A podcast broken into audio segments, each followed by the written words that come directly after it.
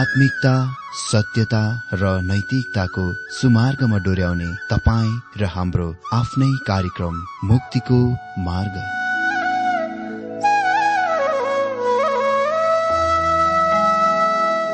आदरणीय श्रोता यस मुक्तिको मार्ग कार्यक्रममा हार्दिक स्वागत छ। आशा छ यस आत्मिक कार्यक्रमद्वारा जीवनमा आत्मिक आशिष अलौकिक शान्ति र आनन्द प्राप्त गर्नुहुनेछ।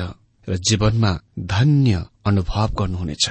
आउनुहोस् श्रोता। मन र आत्माको तयारीको लागि यो मिठो अनि मधुर भजन गीत सुनौ।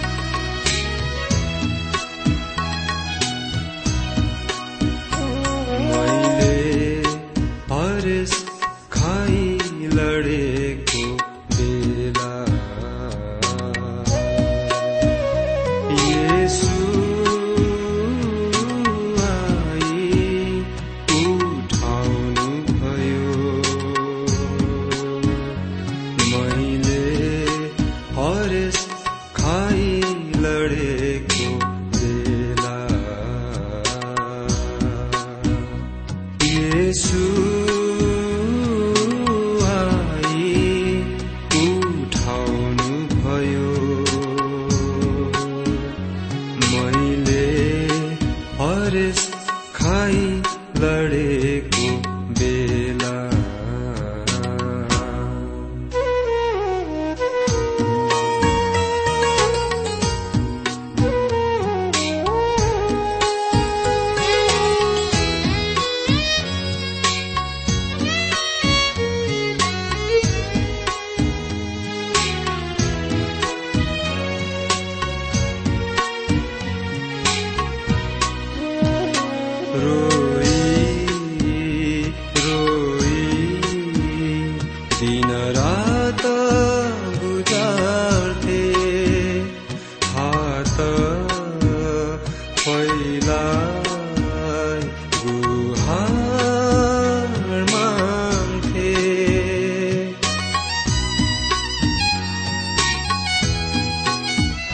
Roo.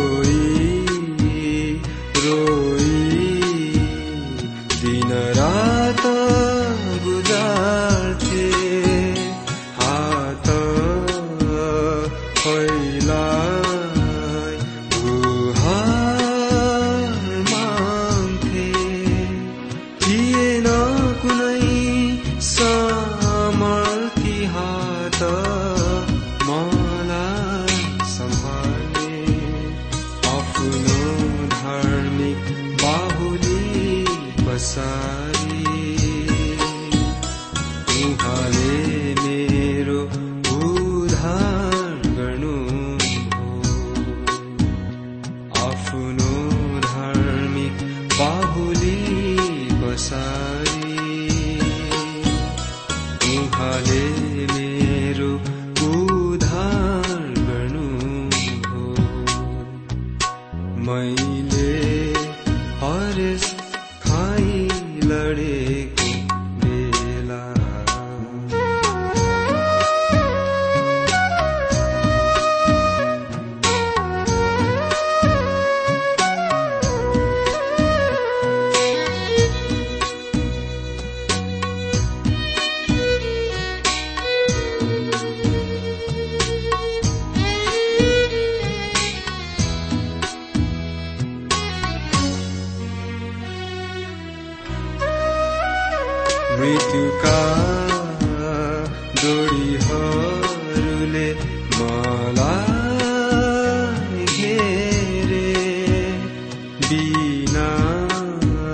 घेरे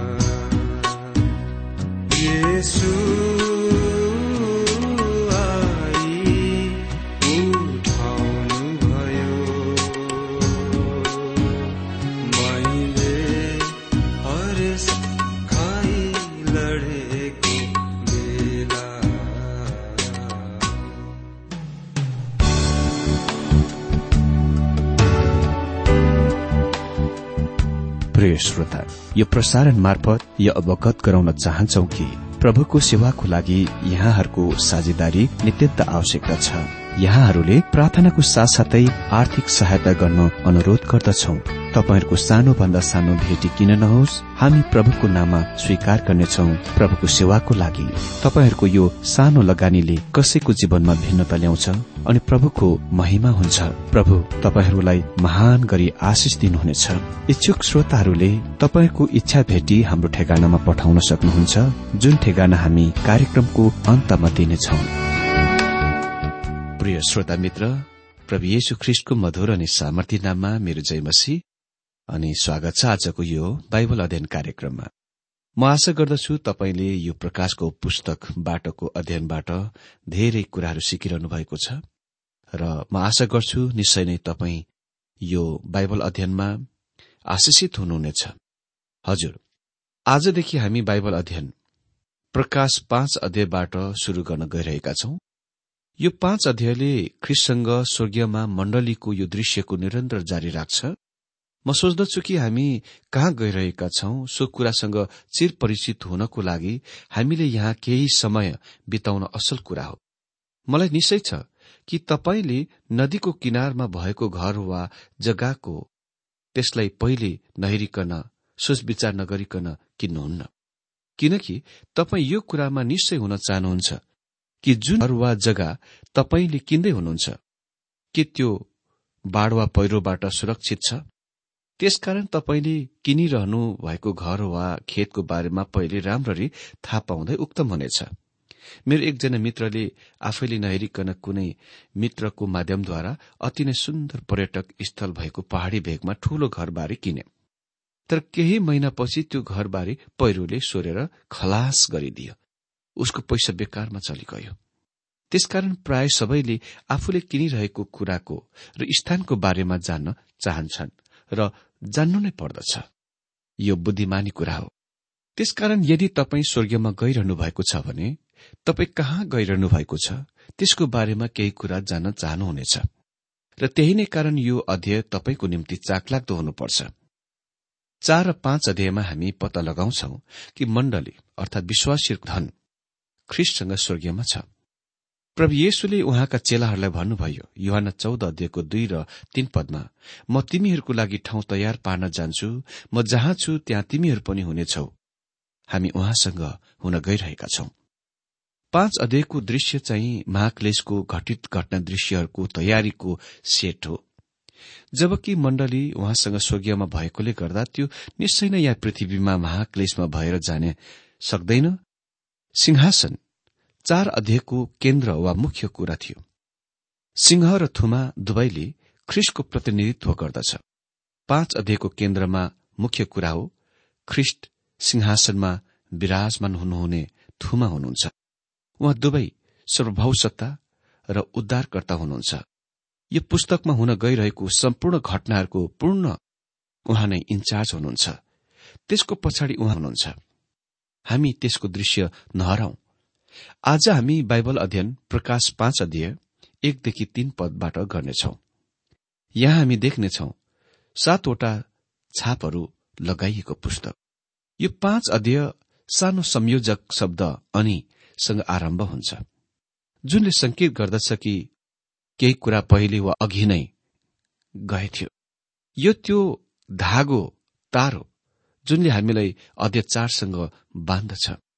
वास्तवमा हामीलाई यहाँ अध्याय विभाजनको आवश्यक पर्दैन किनभने यो अझै एउटै विषय हो। प्रकाश पाँच अध्ययको एक पदमा यस प्रकार लेखिएको छ सिंहासनमा विराजमान हुनुहुनेको दाइने बाहुलीमा भित्र र बाहिरपट्टि लेखेको एउटा चर्मपत्रको मुठो मैले देखे जो सातवटा भोर लगाएर बन्द गरिएको थियो। मैले देखे योहन्ना यी घटनाहरूका साक्षी हुन्। त्यो नै कुनै कुरा हो जुन उसले देख्छन् कसैले पत्रमा केही समय पहिले मेरो यो भन्ने आदतको उद्धृत गरेर सूचित गरेका थिए के यो अद्भुत तस्विर होइन र? वा के यो तपाईँको निम्ति तस्विर होइन र? मलाई यो कुराको होस थिएन कि म त्यो अभिव्यक्तको प्रयोग गर्छु। जब म सिकाउँछु तर मलाई लाग्छ म त्यो गर्छु होला। तर मलाई त्यसको कति पनि होस चाहिँ हुँदैन। म सोच्दछु कि हामीले हाम्रा सम्पूर्ण दृश्यहरूको परमेश्वरको वचनमा विशेष गरेर प्रकाशको अध्ययनमा जनाउनु पर्दछ। युहनाले देखिरहेका छन् र उसले हेरिरहेका छन्। यो नै कारण म प्रायजसो मेरा सन्देशहरूका नमूनाहरूद्वारा स्पष्ट गर्न स्लाइड्सको प्रयोग गर्छु। म त्यसको लागि केही आलोचना पाउँदछु तर म तपाईँलाई भनौँ शास्त्रहरूको हाम्रो बुझाइ सम्झाइको आठ दिन धेरै कुराहरूको सुन्न र देख्न आवश्यक छ। परमेश्वरको वचनले हाम्रा सम्पूर्ण इन्द्रियहरूको पकड्नु पर्दछ। हाम्रा स्वाद र सुँगाइको पनि। उदाहरणको लागि प्रकाशमा त्यहाँ केही निश्चित दृश्यहरू छन् जहाँ तपाईँ आगोको र गन्धको सुङ्न सक्नुहुनेछ वा गन्ध पाउन सक्नुहुनेछ। परमेश्वर पिताले यहाँ आफ्नो हातमा बेरुवा चर्मपत्र पकड्नु भएको छ जुन एकदम कसेर बेरिएको छ र सात छापहरूले छाप लगाइएको छ। स्टफरले आफ्ना ध्यान यस तथ्यमा आकर्षण गर्दछन् कि रोमी नियम कानून वा व्यवस्था सातपल्ट छाप लगाइएको माग गर्दथ्यो। जुन अगस्टस र भेसपेसियन रोमी सम्राटद्वारा छोडिएका बारिसनामा स्पष्ट गरिएको छ। अ यो विधि प्रयोग गरिने कुरा चाखलाग्दो भए तापनि हामी प्रकाशको पुस्तकमा थाहा पाउन सक्छौ कि सात संख्या खालि संजोग संख्या होइन। अनि रोमी साम्राज्यमा यसको प्रयोग भएकोले गर्दा यहाँ यसको प्रयोग गरिएको थिएन। गजेटले यस बेरुवालाई नयाँ करारको पुस्तकको रूपमा विचार गर्छन्। अरूले यसलाई दण्डको पुस्तकको नाम दिन्छन् अनि स्कोपले यसलाई परमेश्वरको उद्देश्यको र विश्वको सम्बन्धमा राय परामर्शको रूपमा विचार गर्दछ। यसले सम्भवत कुनै शीर्षक वा नाम बोक्नु हुँदैन। वा पर्दैन। किनभने डाक्टर हेरी आइरन साइडले सुझाव दिएका छन् कि त्यो यो सारको लागि धनी पूर्जा वा लाल पूर्जा अधिकार पत्र हो। तपाईँले यादै होला। जब इसरायलका सन्तानहरू बन्धुवा वा कैदमा गइरहेका थिए यर्मियालाई उसको सेविकाई सेवकलाई गएर जमिन किन्न र यसको लागि तम्सुक लेख्न र ल्याउनलाई निर्देश दिनुभयो। किनभने परमेश्वरले प्रतिज्ञा गर्नुभयो कि इसरायल त्यस आफ्नो मुलुकमा वापस फर्की आइरहेको थियो। यर्मिया बत्तीस अध्यय छदेखि पन्ध्र पद अनुसार। कसले यहाँ पृथ्वीको धनी पूर्जा लाल पूर्जा अधिकार पत्र तम्सुको पकडेको छ त? प्रभु येशुले उहाँसँग मात्र यो छ। दानियल सात अध्यय तेह्रदेखि चौध पदमा हामी पढ्छौं रातिको दर्शनमा मैले हेरि नै रहेको थिएँ।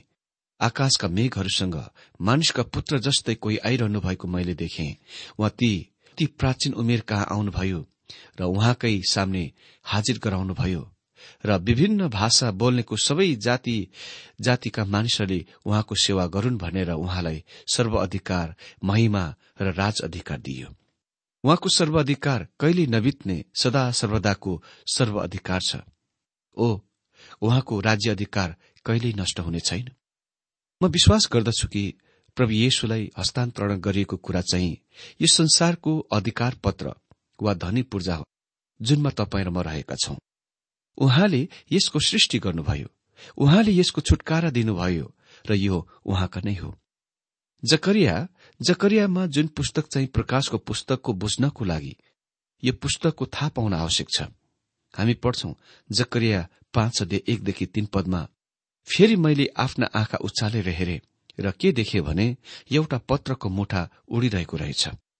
ती मलाई सोधे तिमी के देख्छौ? अनि मैले जवाब दिएर भने एउटा उडिरहेको पत्रको मुठा जसको लम्बाइ बीस हात र चौडाइ दस हात छ। तब तिनले मलाई भने सारा त्यसमा पर्न लागेको यो शराब हो किनभने अबदेखि चोर्न र शपथ खाने प्रत्येक त्यसमा लेखे अनुसार छाडिनेछ यो उडिरहेको पत्रको मुठा उही एउटै कुरा हो जुन यहाँ प्रकाशको पुस्तकमा बेरुवा पत्रको मुठा छ। कसैले सोच्दछन् विचार गर्छन् कि दश आज्ञाहरूको यो बेरुवा पुस्तक मुठामा छ र यी आज्ञाहरूद्वारा विश्वको न्याय गरिनेछ।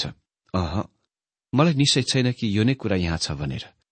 यस बेरुवा पुस्तकको पहिचान गर्न प्रयत्नहरूमा विभिन्न विचारहरू दिइएका छन् तर यो नै एक स्थान हो जहाँ हामी सिद्धान्ति बन्नु सक्दैनौं। यस बेरुवा पुस्तकको सम्बन्धमा दिएका विभिन्न राय र विचारहरूमध्ये यो विचार र रायको अलिकति धेरै उपयुक्त विचार मानिन्छ। यसले इसरायलसँग परमेश्वरको नयाँ करारको प्रतिनिधित्व गर्दछ। परमेश्वरले यो करारको बारेमा धेरै कुरा गर्नुहुन्छ। यर्मिया एकतीस अध्ययको एकतीस र तेत्तीस पदमा हामी पढ्छौं परमप्रभु भन्नुहुन्छ ती दिन आउनेछन् जब इसरायलको घरानासँग र यहुदाको घरानासँग म एउटा नयाँ करार स्थापना गर्नेछु। परमप्रभु भन्नुहुन्छ ती दिनपछि म इसरायलको घरानासँग यो करार बाँध्नेछु। तिनीहरूका मनमा मेरो व्यवस्था राखिदिनेछु र तिनीहरूका हृदयमा त्यो लेखिदिनेछु र म तिनीहरूका परमेश्वर हुनेछु र तिनीहरू मेरो प्रजा हुनेछन्। पावल रोमी एघार अध्ययको छब्बीस र सत्ताइस पदमा लेख्छन् अनि यसरी सारा इसरायलले मुक्ति पाउनेछ जसरी लेखिएको छ छुटकारा दिनुहुने सियोनबाट हुनेछ र याकुबबाट अभक्ति हटाउनुहुनेछ। अनि तिनीहरूसित मेरो बाचा यही हो जब म तिनीहरूका पापहरू हटाउला। हेब्रू दश अध्ययको सोह्र पदमा हामी पाउँदछौ जुन वाचा म ती दिनहरूपछि तिनीहरूसित बाँध्नेछु त्यो यही हो प्रभु भन्नुहुन्छ। म मेरा व्यवस्थाहरू तिनीहरूका हृदयहरूभित्र हालिदिनेछु यो नै यर्मिया भविष्य वक्ताले बोलेथे। हेब्रूको पुस्तक लेखक आफ्नो भनाइलाई जारी राख्छन् हेब्रू दश अध्ययको सत्र अठार पदमा तिनीहरूका पापहरू र तिनीहरूका अपराधहरू म कहिले सम्झना गर्ने छैन। अब यहाँ यी कुराहरूको पाप क्षमा हुन्छ। त्यहाँ पापका निम्ति कुनै बलिदान बाँकी रहँदैनन्। इसरायलसँग परमेश्वरले बनाउनु भएको पुरानो करार मानिसमाथि आश्रित हुन्थ्यो।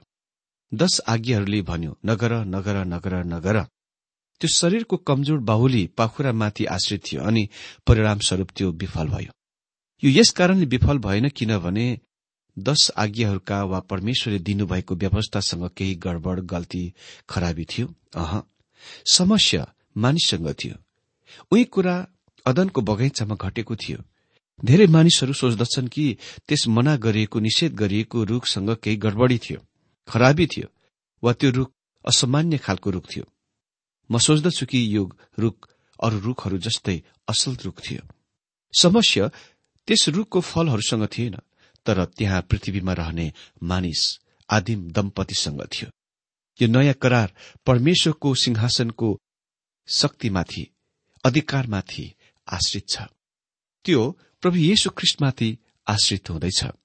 प्रकाश पाँच अध्ययको दुई पदमा लेखो छ अनि एउटा बलवान स्वर्गीय दूतलाई ठूलो आवाजले यसो भनिरहेको मैले देखे। यो मुटो खोल्न र यसका मोहरहरू तोड्न योग्य को छ? को छ? को योग्य छ? यो संसारको निम्ति कसको अधिकार र कसको अख्तियार छ त? कसले यसलाई शासन गर्न सक्छ? कसले धार्मिकता र न्याय इन्साफको स्थापन गर्न सक्छ? के तपाईँ सोच्नुहुन्छ कि फल्ना फल्ना पार्टीले त्यो गर्न सक्छ? के तपाईँ सोच्नुहुन्छ कि संयुक्त राष्ट्र संघले त्यो गर्न सक्छ? म विश्वास गर्दछु कि तपाईँ यस भ्रममा पर्नुहुनेछ। यो सोच्ने कुरामा कि मानिसले आफ्नो समस्याको समाधान गर्न सक्छ। टेक्नोलोजीले यो गर्न सक्छ। मित्र परमेश्वरले यो बिल्कुल स्पष्ट पार्नुहुन्छ कि मानिसले कुनै पनि प्रयत्न र प्रयासद्वारा यसको समाधान गर्न सक्दैन। भनेको छ। बलवान स्वर्गीय दूत भनेको शक्तिशाली स्वर्गीय दूत हो। उससँग ठूलो आवाज छ। यसले अहिले चाहिँ शक्तिको बारेमा बताइरहेको छ। अनि यो करारलाई प्रभावशाली बनाउन आवश्यकता पनि छ। पाँच अध्ययको तीन पदमा लेखिएको छ स्वर्गीयमा अथवा पृथ्वीमा वा पृथ्वी मुनि यो चर्मपत्रको मुटु खोल्न वा त्यसभित्र हेर्न सक्ने कोही थिएन। आदमका वंशका सन्तानका कुनै पनि मानिससँग त्यसको खोल्ने र यस पृथ्वीको अभिभार लिने कुनै अधिकार छैन।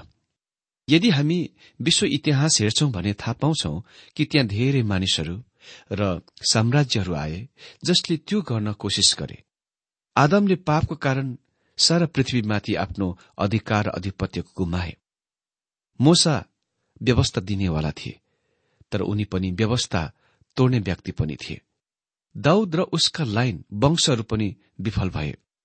कोही पनि आदमका वा वंशहरूले त्यो अधिपत्य गर्ने योग्य छन्। आज पनि त्यहाँ कोही छैन यो गर्ने। शासक छुटकारा दिने उद्धारक हुनुपर्छ। सर्वभाव सत्ता मानव जातिको उद्धारकर्ता हुनै पर्छ। अनि येशु क्रिस्ट मात्र एक त्यो जन हुनुहुन्छ। आदमबाटका कुनै पनि सन्तान जो सारा मानव जाति पर्छ जुनमा तपाईँ र म पनि छौं यसले त्यो गर्न सक्दैनौ। यसको हामी गर्न सक्दैनौ न तपाईँका कुनै सन्तानहरूले त्यो गर्न सक्छन्। प्रश्न चाहिँ यो हो को चाहिँ त्यसको गर्न योग्य हुन गइरहेको छ त? को चाहिँ योग्य छ त? चार पदमा लेखिएको छ कोही पनि त्यो चर्मपत्रको मुठु खोल्न अथवा त्यसभित्र हेर्न योग्यको नपाएकोले हुनाले म खुबै रोहेँ युहान यो देखेर धेरै व्याकुल भयो यस मानिससँग भविष्यवाणीको लागि वास्तविक तृष्णा र अभिलाषा थियो। सँग पवित्र प्रेम माया मोह र धर्मनिष्ठ जिज्ञासा थियो। उनी ती कुराहरूमा हेर्न चाहन्थे जुनमा स्वर्गीय दूतले पनि हेर्न सक्दैनन् युहना नाटकमा प्रवेश गर्दछन् किनभने उनी पृथ्वीबाट आएका हुन्।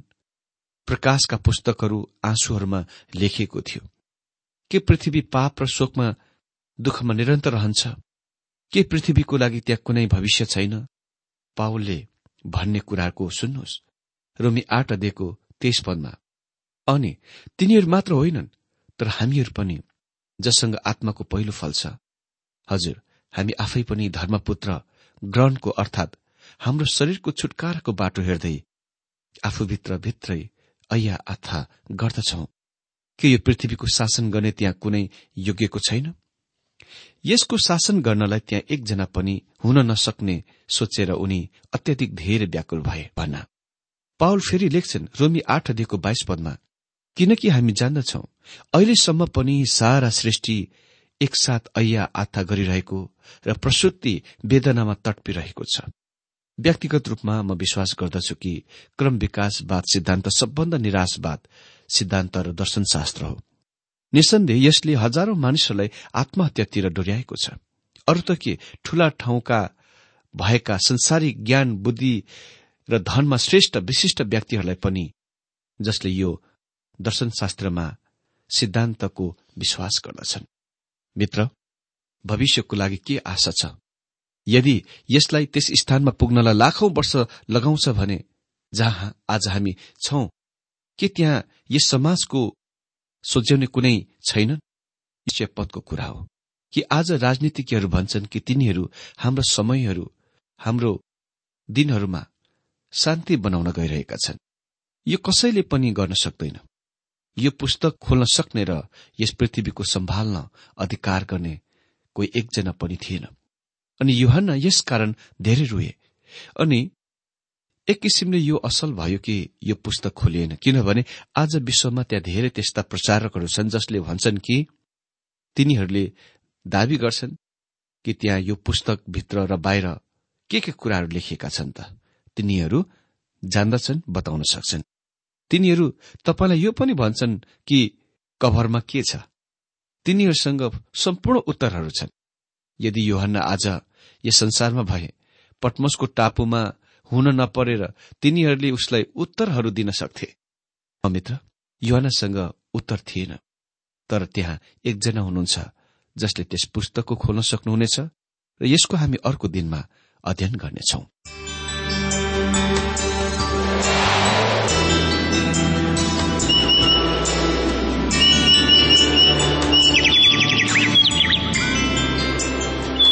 प्रिय श्रोता अहिले भर्खरै तपाईँले टीडब्ल्यूआर नेपालद्वारा सञ्चालित आत्मिक कार्यक्रम मुक्तिको मार्ग सुनिरहनु भएको थियो। श्रोता आजको यो कार्यक्रम सुनेर तपाईँलाई कस्तो लाग्यो? यदि यो कार्यक्रम सुनेर मनमा कुनै खुल्दुली वा कुनै प्रतिक्रिया अर्थात सुझावहरू छन् भने हामीलाई पत्रद्वारा लेख्न सक्नुहुनेछ। हामी हृदयदेखि नै स्वागत गर्नेछौ स्वीकार गर्नेछौ साथै बाइबल सम्बन्धित प्रचारहरू कार्यक्रम सारणीहरू हामी अनुरोधमा पठाउन सक्छौ। अनि तपाईँसँग कुनै प्रार्थनाको विषय छन् भने हामीले तपाईँको लागि प्रार्थना गरेको चाहनुहुन्छ भने प्रभुमा आफ्नै परिवार सम्झेर हामीलाई पत्रमा लेख्न सक्नुहुनेछ। तपाईँको लागि हामी प्रभु येशुसँग प्रार्थना गर्नेछौ। अधिक जानकारी र पत्रचारको लागि हाम्रो ठेगाना यस प्रकार छ। कार्यक्रम मुक्तिको मार्ग जीपीओ नम्बर उनानब्बे पचहत्तर इपिसी पच्चिस एकसठी काठमाडौँ। ठेगाना एकपल्ट सुन्नुहोला। कार्यक्रम मुक्तिको मार्ग जीपीओ नम्बर उनानब्बे पचहत्तर इपिसी पच्चिस एकसठी काठमाडौँ। हाम्रो इमेल एड्रेस हो T W R Nepal at Yahoo dot com. साथै यस नम्बरमा एसएमएस गर्न सक्नुहुनेछ। अन्ठानब्बे चार सत्तरी पैतिस छ सय उनासी नौ आठ चार सात जिरो तीन पाँच छ सात नौ। हुन्छ श्रोता आजलाई हामी विदा चाहन्छौ। अर्को कार्यक्रममा हामी पुनः भेट्नेछौ तबसम्मलाई नमस्कार।